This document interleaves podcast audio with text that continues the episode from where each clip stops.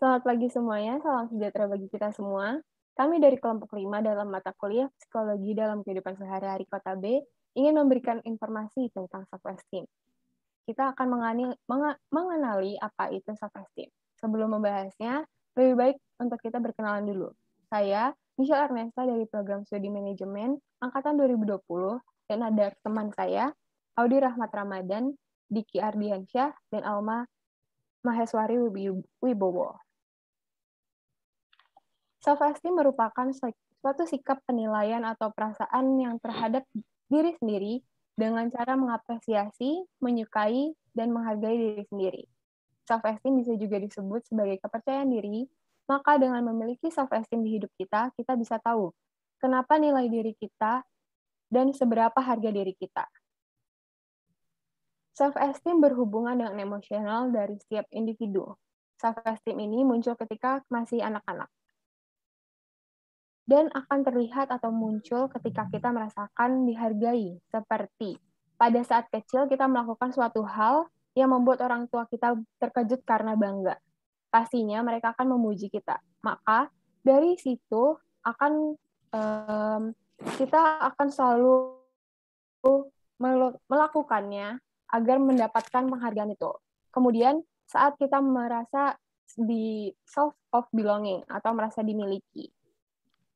Dengan adanya kasih sayang dari orang tua, relasi dengan orang tua dan teman, maka itu akan membuat self esteem diri kita muncul dan akan bertambah, serta perasaan kompeten dalam suatu hal. Perasaan ini juga berpengaruh dalam, terhadap munculnya self esteem, yang di mana jika kita mengetahui hal apa yang kita lakukan dengan unggul, maka kita akan mau memperoleh melakukannya dengan baik. Entah itu menjadi lebih baik atau akan dapat lebih dipuji. Self-esteem dibagi menjadi dua, yaitu ada high self-esteem dan low self-esteem.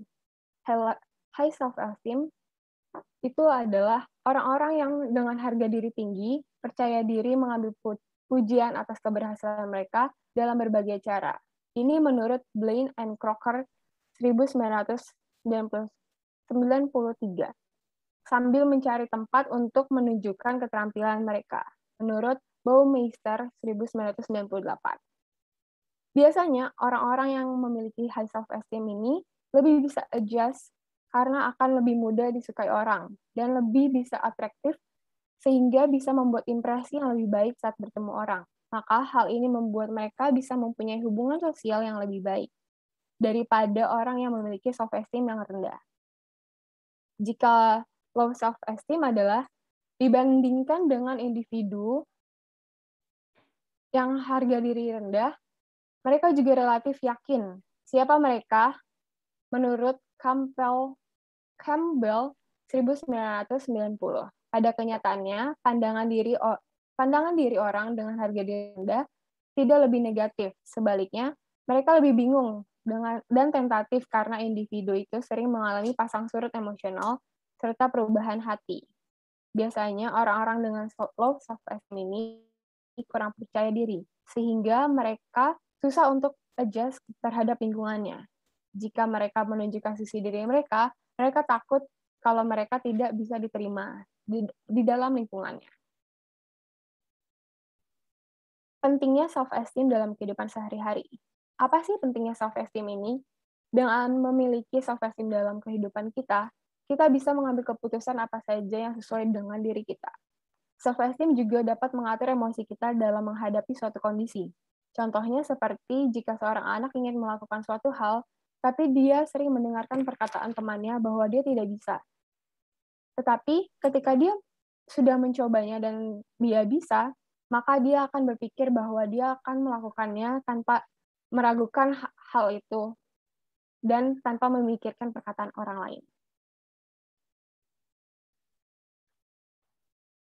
Baik, berikutnya saya akan membahas mengenai pentingnya self-esteem yang terdiri dari adjustment atau penyesuaian dan high self-esteem versus narcissism adjustment atau penyesuaian, jika memiliki self-esteem yang tinggi, maka akan dapat menyesuaikan diri atau adjustment dengan baik dalam lingkungan atau situasi yang baru. Sedangkan high self-esteem versus narcissism adalah dengan memiliki high self-esteem yang tinggi, individu dapat mengatur emosi dan pikirannya sehingga hidup menjadi lebih positif. Namun, high self-esteem yang berlebihan akan menimbulkan narsistik yang berdampak negatif pada kehidupan.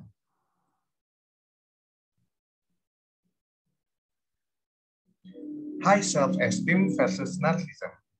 High self-esteem adalah orang-orang yang memiliki kepercayaan tinggi dalam segala hal. Narsisme merupakan suatu kondisi di mana seseorang menganggap dirinya paling penting dan harus dikagumi.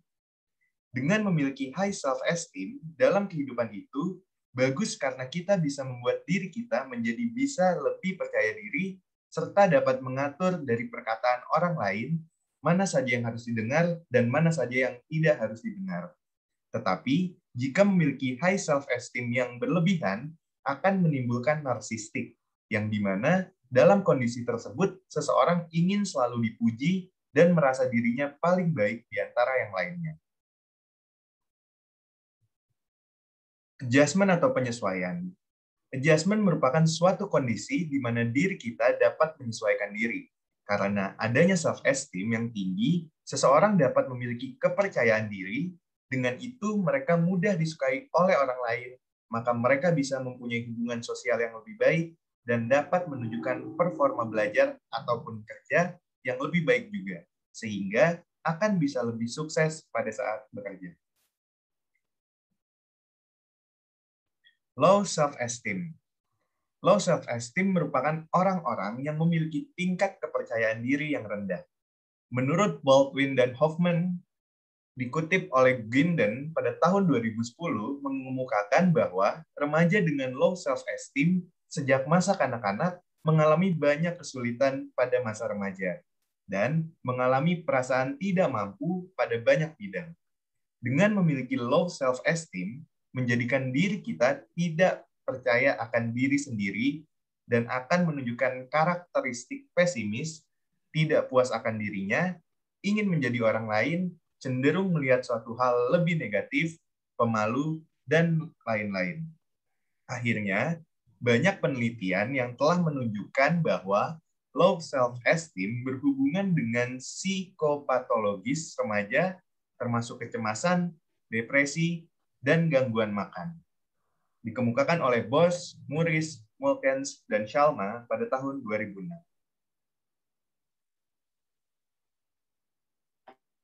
Nah, selanjutnya, saya akan menjelaskan mengenai permasalahan-permasalahan terkait dengan low self-esteem uh, yang ada di eh, SMK Fadilah.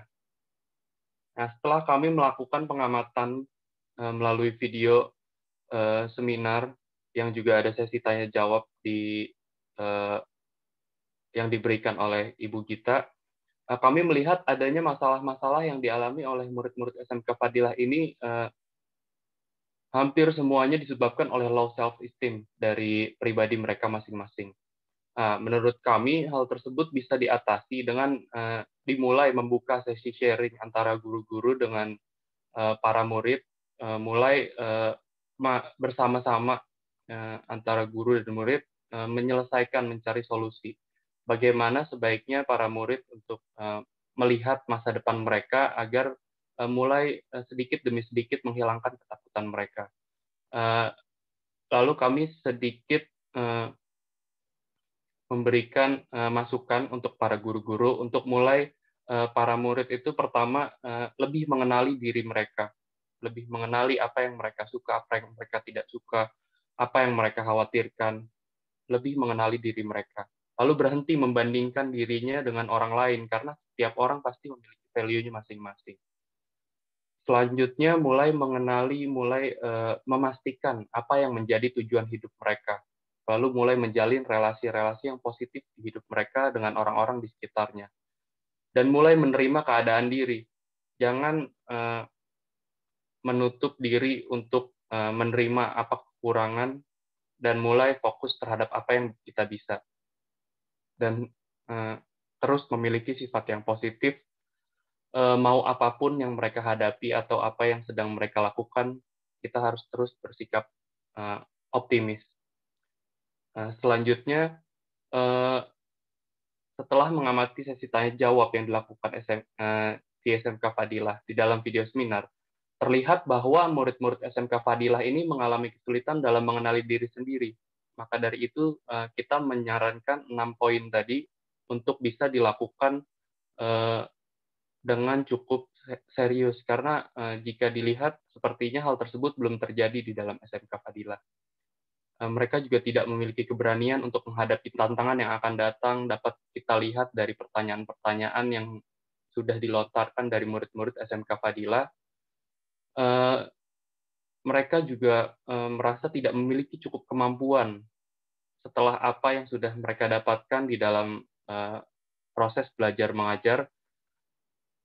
Sebenarnya jika mereka cukup percaya diri, hal-hal tersebut bisa untuk Eh, digunakan sebagai batu loncatan untuk menggapai semua cita-cita yang mereka inginkan, apa pun cita-citanya.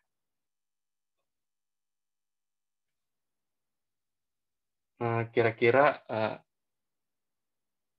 itu saja presentasi dari kami. Uh, jika ada kurang-kurangnya, uh, mohon maaf uh, dan terima kasih.